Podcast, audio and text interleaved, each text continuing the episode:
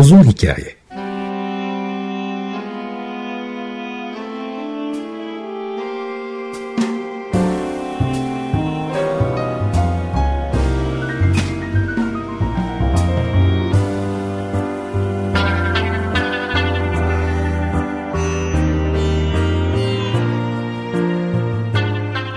Hazırlayan ve sunan Muzaffer Çorlu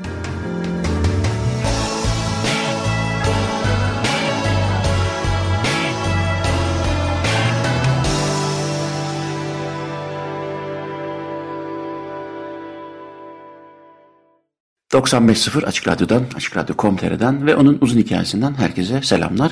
Bugün biraz sizlere şeyden bahsetmek istiyorum. Devrim, e, protesto gibi e, sosyal psikolojik açıdan da bakıldığında son derece önemli olan konuların müzikle olan ilişkisine.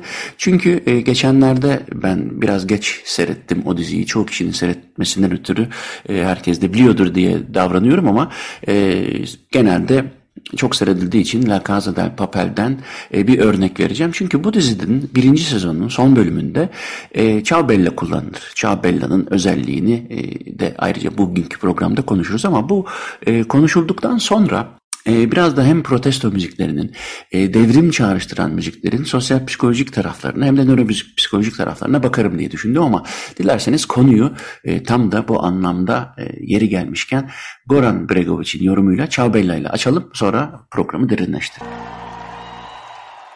Evet, Goran Bregovic'ten dinledik Çağbella yorumunu.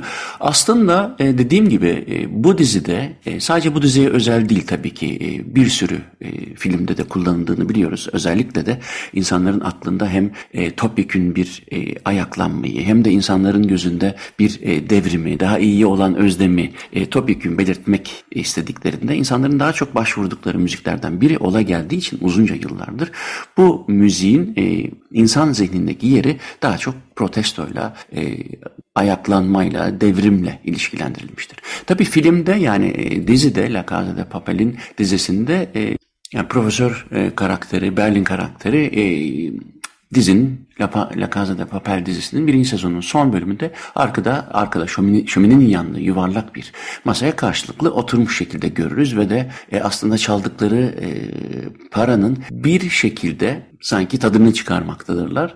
E, profesör tabi şarkıya başlar. Yani işte bu e, Ciao Bella şarkısının e, sözlerinde olduğu gibi işte bir sabah uyandığımda diye tabi onu dizide e, İspanyolca söylerler. Genelde tabi orijinal İtalyanca olduğu için hep İtalyanca duyuyoruz. Türkçe'ye de çevrildiğini biliyoruz ama işte işte bir sabah uyandığımda diye başlar profesör. Tabi fonda gerginliği de beklentiyi de e, tırmandıracak şekilde e, çok bildiğimiz e, ses efektleriyle bizi bir kötü bir sahnenin bekleyeceğine sanki hazırlar yönetmen. Burada tabii e, dizilerde ve filmlerde müziklerin nasıl kullanıldığıyla ilgili yaptığım bir sürü programda ki onların hem Spotify'da hem YouTube'da e, podcastlerini bu görebilirsiniz, dinleyebilirsiniz, izleyebilirsiniz. Orada da ayrıntılarıyla anlattığım üzere hem de konuklarımla da e, hem sinema müzikleri yapan hem de bu dersleri veren konuklarımla da e, tartıştığımız, konuştuğumuz gibi e, sinemada kullanılan bu ses hileleri aslında bizi birçok şeye hazırlamaktadır. Burada La Casa de Papel'in birinci bölümünün sezonun sonunda karşılıklı oturan profesör ve Berlin karakterleri işte bu fondaki gerginliği tırmandıran sesle birlikte müziksiz sadece daha doğrusu enstrümansız akapella şekilde şarkıya girerler Çavbellasına. Fakat profesör tek başına söylerken birden Berlin'de ona katılır.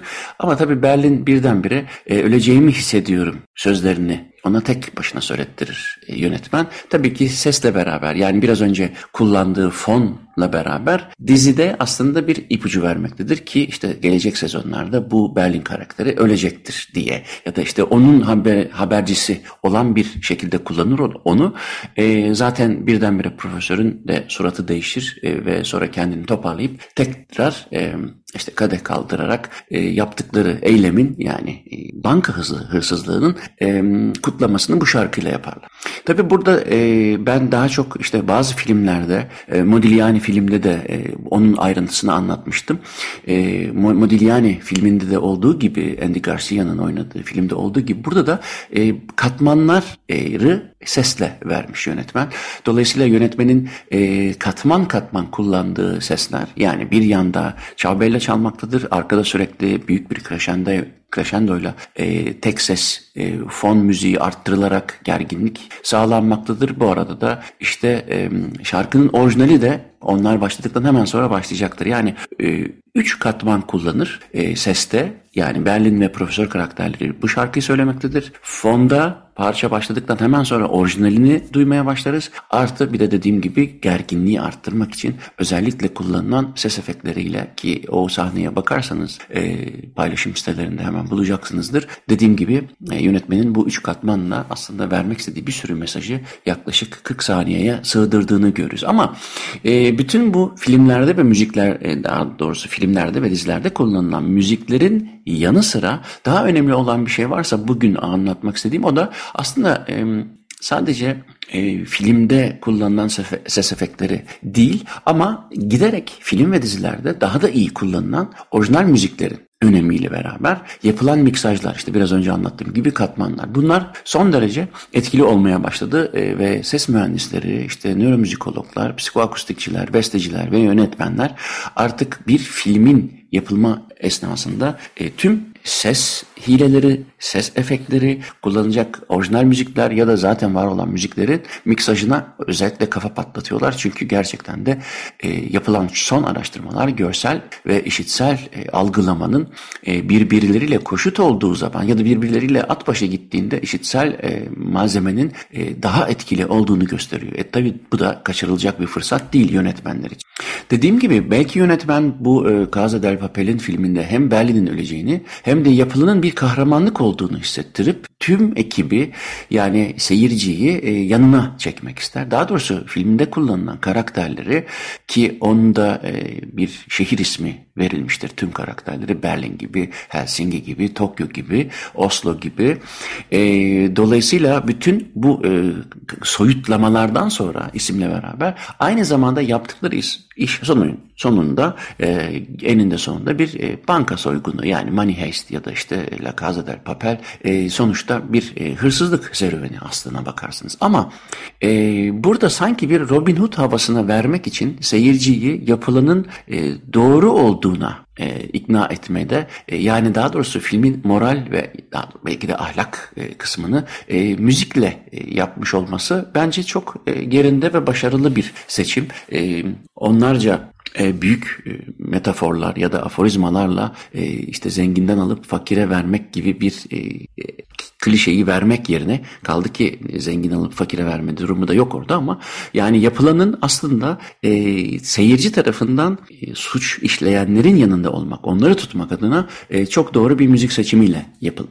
Şimdi aslında neden Ciao seçtiği yönetmenin bileceği bir iş. Onun e, niyetini okuyamam ama e, bu şarkının sembolleşmesinden dolayı kitleler aslında e, son derece e, kültürden bağımsız şekilde bundan etkileniyor. Yani hem e, bir sürü kıtada e, bir e, protesto söz konusu olduğunda bunu bu sembol müzikle verdiklerini biliyoruz. Aslında 19. yüzyılda İtalya'da pirinç tarlalarında çoğunlukla kadınların çalıştığı, işçilerin uğradığı bu zorlu ve haksız iş koşulları nedeniyle ortaya çıkmışsa da bu şarkının aslında ünlü oluşu 2. Dünya Savaşı'na denk geliyor. Çünkü Alman Nazi yönetiminin e, İtalya'yı işgal etmesinden sonra e, buna karşı çıkanlar, işgalle karşı olan partizanların diyelim bu şarkıyı bir sembol olarak seçtiğini biliyoruz ve sözlerde o sırada değişti tabii ama sonuçta e, melodik yapısının aşağı yukarı aynı olduğunu görüyoruz. Şimdi bu sözlerden tabii e, yola çıkarak e, diyebiliriz ki e, ya da hemen aklınıza gelebilir protesto müziğinin özelliği sözleri olmadığı zaman da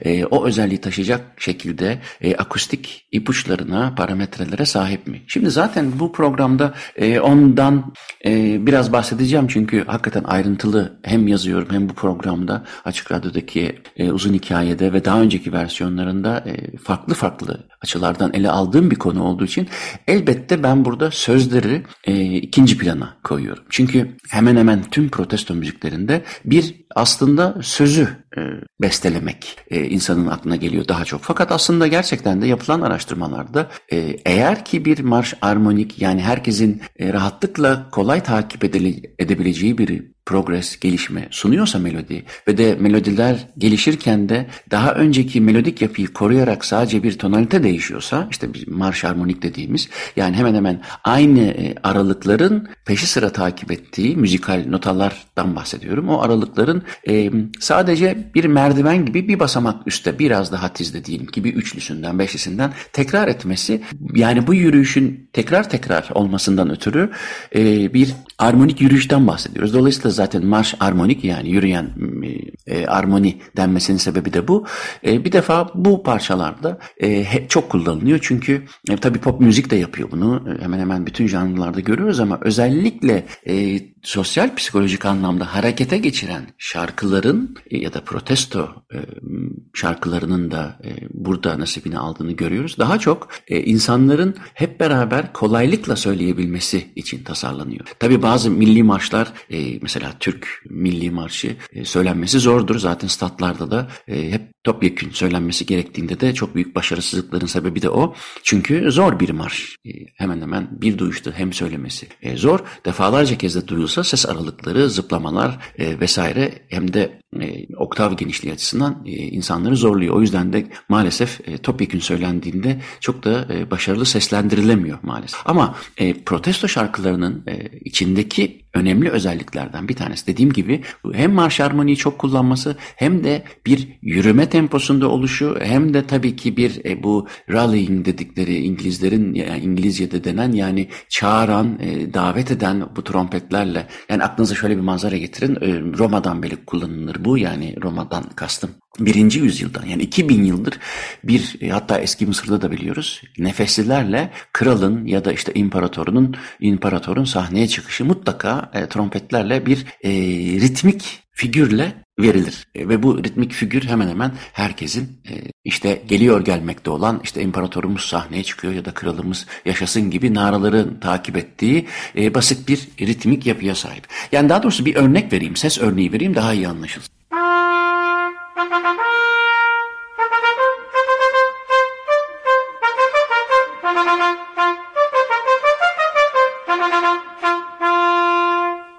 Yani işte bu tür e, hem nefeslerin kullanılışı hem vurmalıların kullanılışı hem de e, tadadat gibi e, dikkat çeken kısa fakat ritmiyle e, beynin beynimizde mutlaka bir şeyin geleceğini hissettiren e, yapıları kullanıyorlar. Şimdi diyebilirsiniz ki bunu nereden biliyorsunuz? Evet, e, ERP çalışmaları yani beyinde birdenbire değişik bir şey olacak dendiğinde insan beyninin yaydığı elektrik, e, yaydığı dalgaların e, ölçümleri yapılıyor ve bu ölçümlerden biliyoruz ki evet burada insanın bir beklentisi oluşuyor. Daha doğrusu normal bir zihin durumunun değiştiğini görüyoruz ve de e, buna ek olarak da yapılan çalışmalarla birlikte insanların da zaten bunu ifade ettiklerini görüyoruz. Şimdi dolayısıyla bu e, özellikle son zamanlarda hani yapılan deneysel çalışmalar ki yani benim en son okuduğum bu e, Journal of Applied Social Psychology'de yayınlandığı için bizi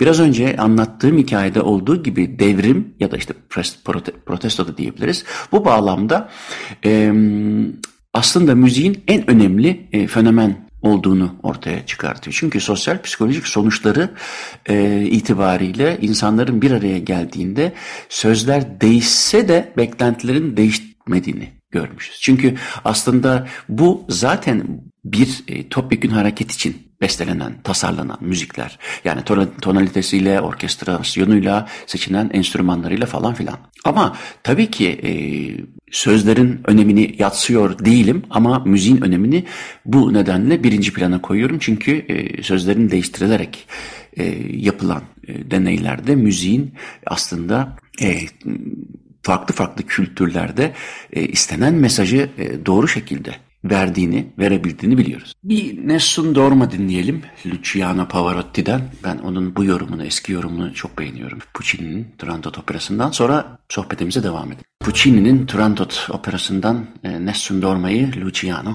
Pavarotti'den dinledik. Şimdi e, kaldığım yerden devam edeyim. Yani protesto ya da daha adil bir yaşam için bir araya gelen ve devrimi arzulayan gruplar da yani işin sosyal psikolojik açıdan baktığımızda bir arada aynı mesajı vermek isteyen insanlar da e, beraberce düşüncelerinin özünü bir cümleyle verebilme e, motivasyonunu e, gördüğümüz zaman insanların içinden bunu bir melodiyle vermek geliyor. Çünkü aslında diyebilirsiniz ki bu nereden çıktı? Evrimsel biyolojik e, açıdan bakarsak ya da evrimsel antropolojik açıdan bakarsak insan kültüründe e, duyguların hep bir müzikle eşleştirildiğini e, görürüz. Ne kadar eskiye gitse bile yapılan e, çalışmalar 10 bin 15 bin yıl öncesinde de bazı ritüellerin e, olduğunu görüyoruz ve bu ritüellerin e, işte bazı tapınakların yanlarında da bazı müzik aletlerinin bulunması tabii ki bir e, sürpriz değil. Çünkü e,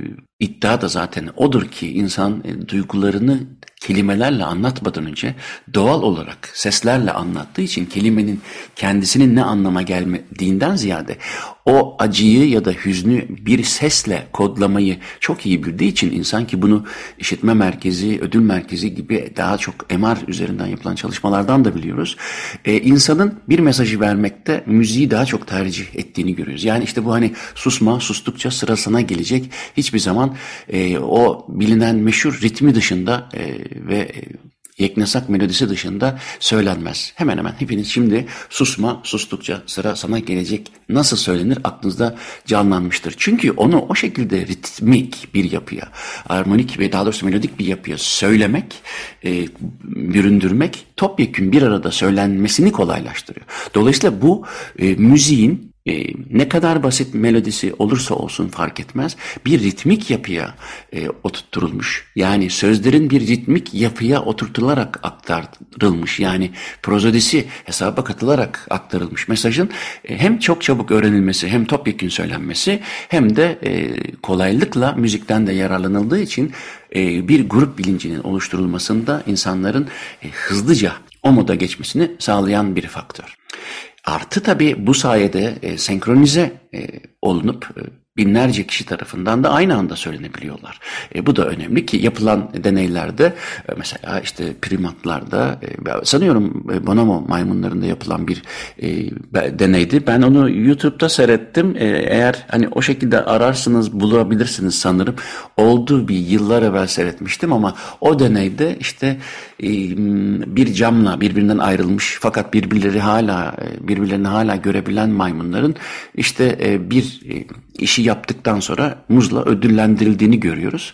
Fakat iki maymundan bir tanesi o işi yapmasa da ödüllendirildiği zaman diğer maymunun bunu gördüğü anda çılgına döndüğünü görüyoruz. Yani bu bir e, adalet kavramının e, temeline giden önemli bir deney. Çünkü gerçekten de e, biz insanlara atfedilir bir sürü e, ahlakla ilgili hikaye ya da işte nerede iyi olduğunu düşündüğümüz bir düşünce varsa onları hep insana e, atfetmeyi çok beğeniriz ama aslında pek de durum öyle değildir. E, bel, belki de daha tam tersini belki bile söyleyebileceğimiz örneklerle dolu insanlık tarihi ama burada maymunların gerçekten de hak etmemesine rağmen ödül alan kişiye e, tepki göstermesi ve de deneyi yapan kişiye saldıracak kadar sinirlenmesi e, bir adalet duygusuyla belki anlatılabilir. İşte bu zaten önemli bir e, primer motif. Yani bir insan zaten e, bir canlı adaletsizliğe karşı zaten sessiz olamıyor.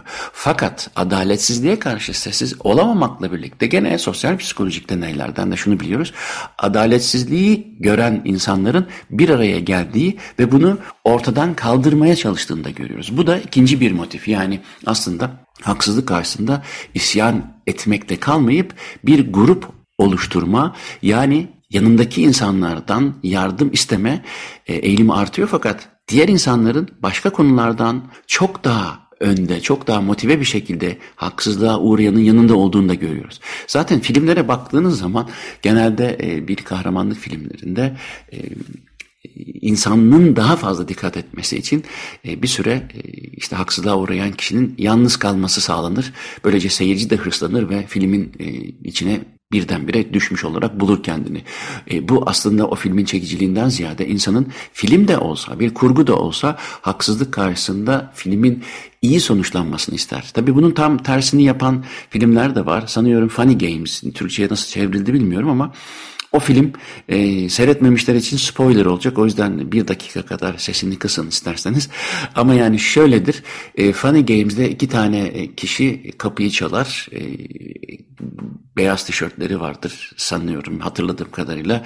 Ve de yumurta fazla yumurta var mı diye sorarlar. E, çok tipik bir ailedir. İşte çocuklu, e, evli bir çift görürüz. Fakat başlarına kalmadık e, e, bela, başlarına gelmedik bela kalmaz ama sonunda da, sonuna kadar da artık çok sinir olursunuz siz de. Hakikaten o iki karakterin başına bir şey gelse de bir rahatlasam diye seyredersiniz ama gelmez. Ve de çok nadirdir filmlerde e, izleyicinin beklentilerinin tam tersi sonuçlanan e, filmler onlardan bir tanesidir ve orada da gerçekten de e, seslerin de çok doğru kullanıldığını hatırlıyorum. Dolayısıyla e, seyirciyi çekmenin dışında da insanın da içinde bir primer motiftir.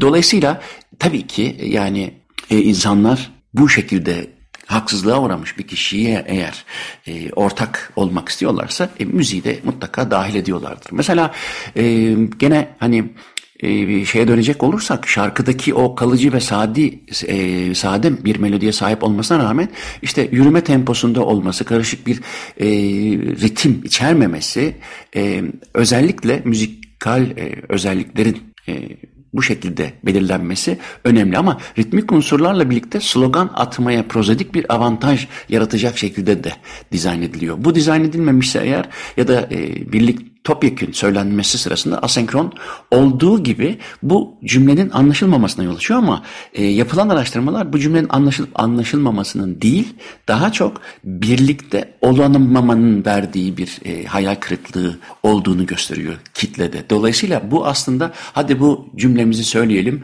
e, kahrolsun işte e, kara buğday kavuzlu buğday ekmeği diye diyelim ki bir şey atıyoruz slogan atıyoruz.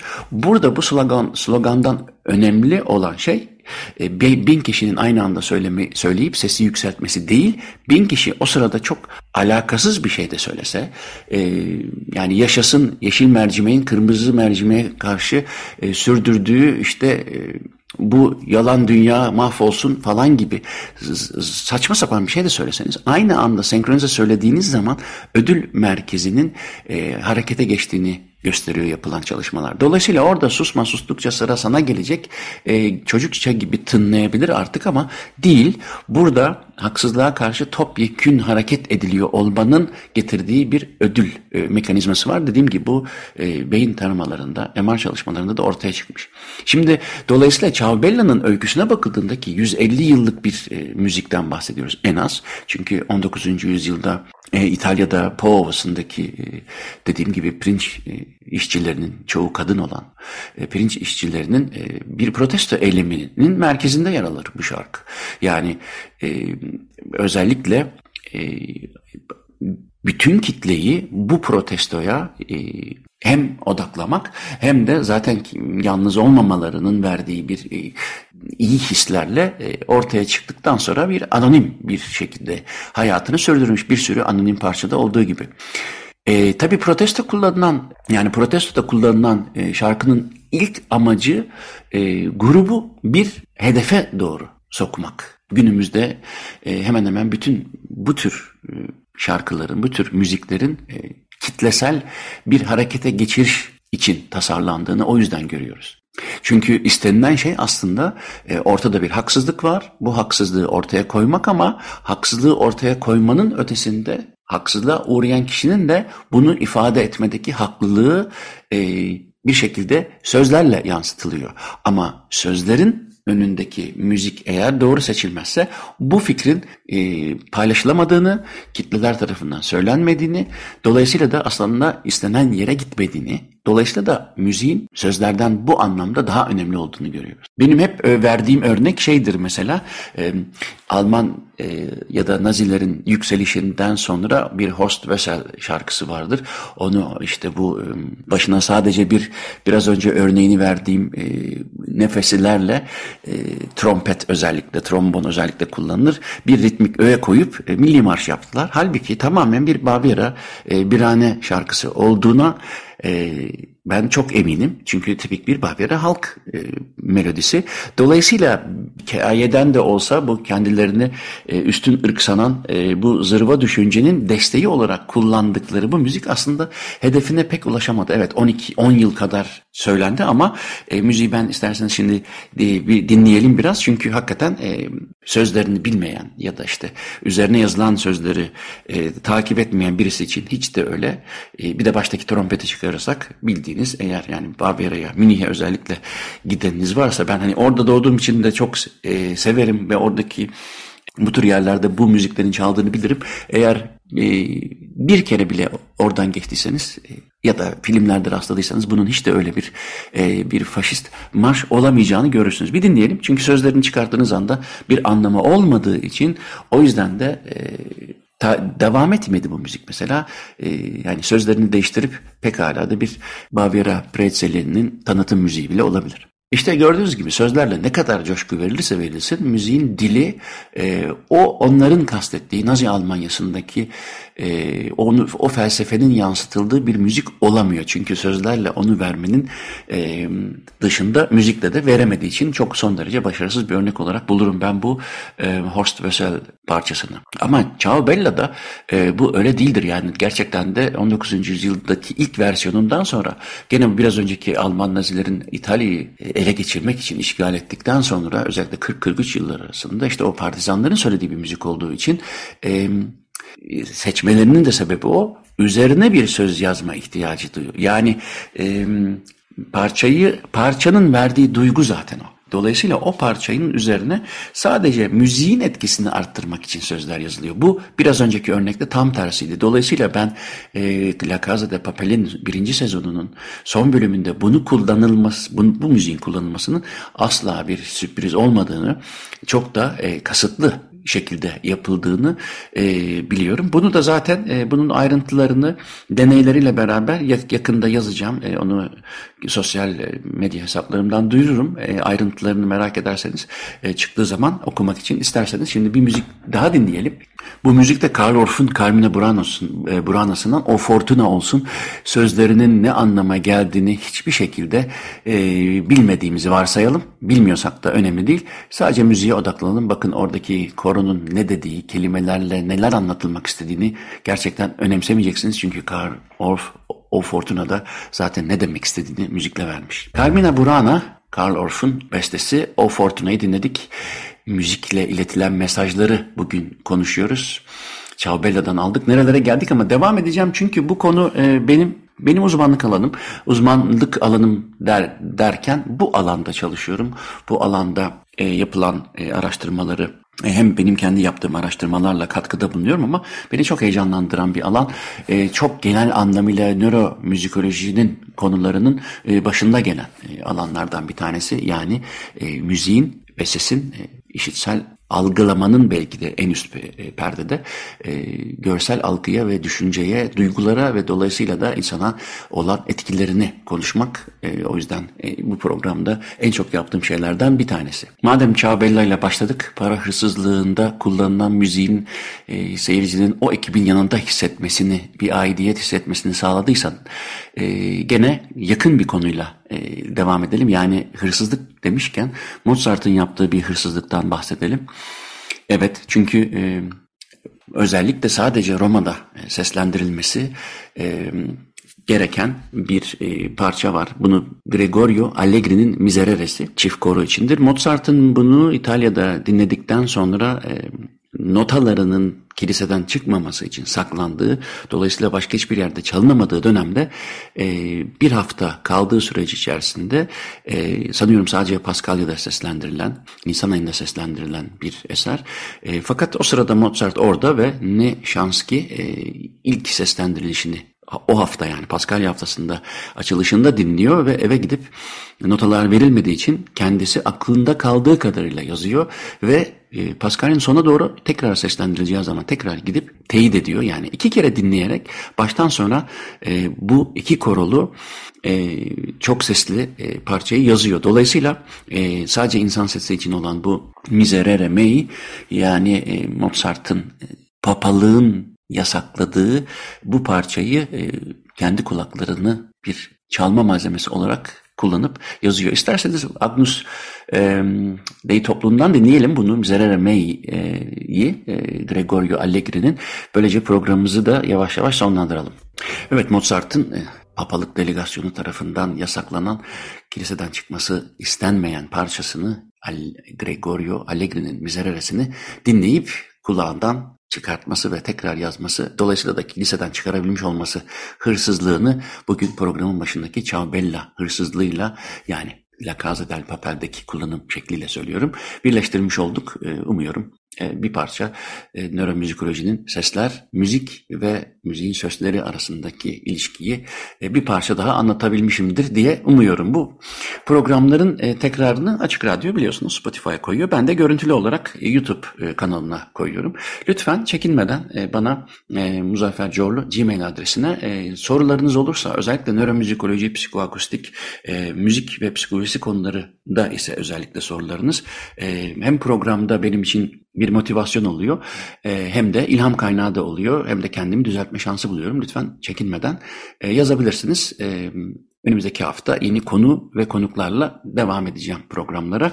Haftaya görüşürüz. Hepinize günaydın.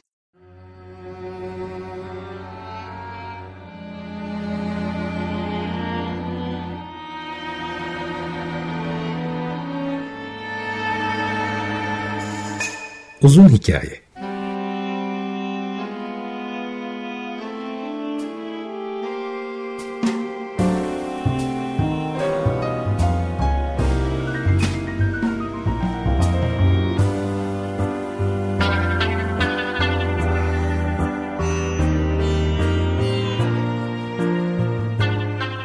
Hazırlayan ve sunan Muzaffer Çorlu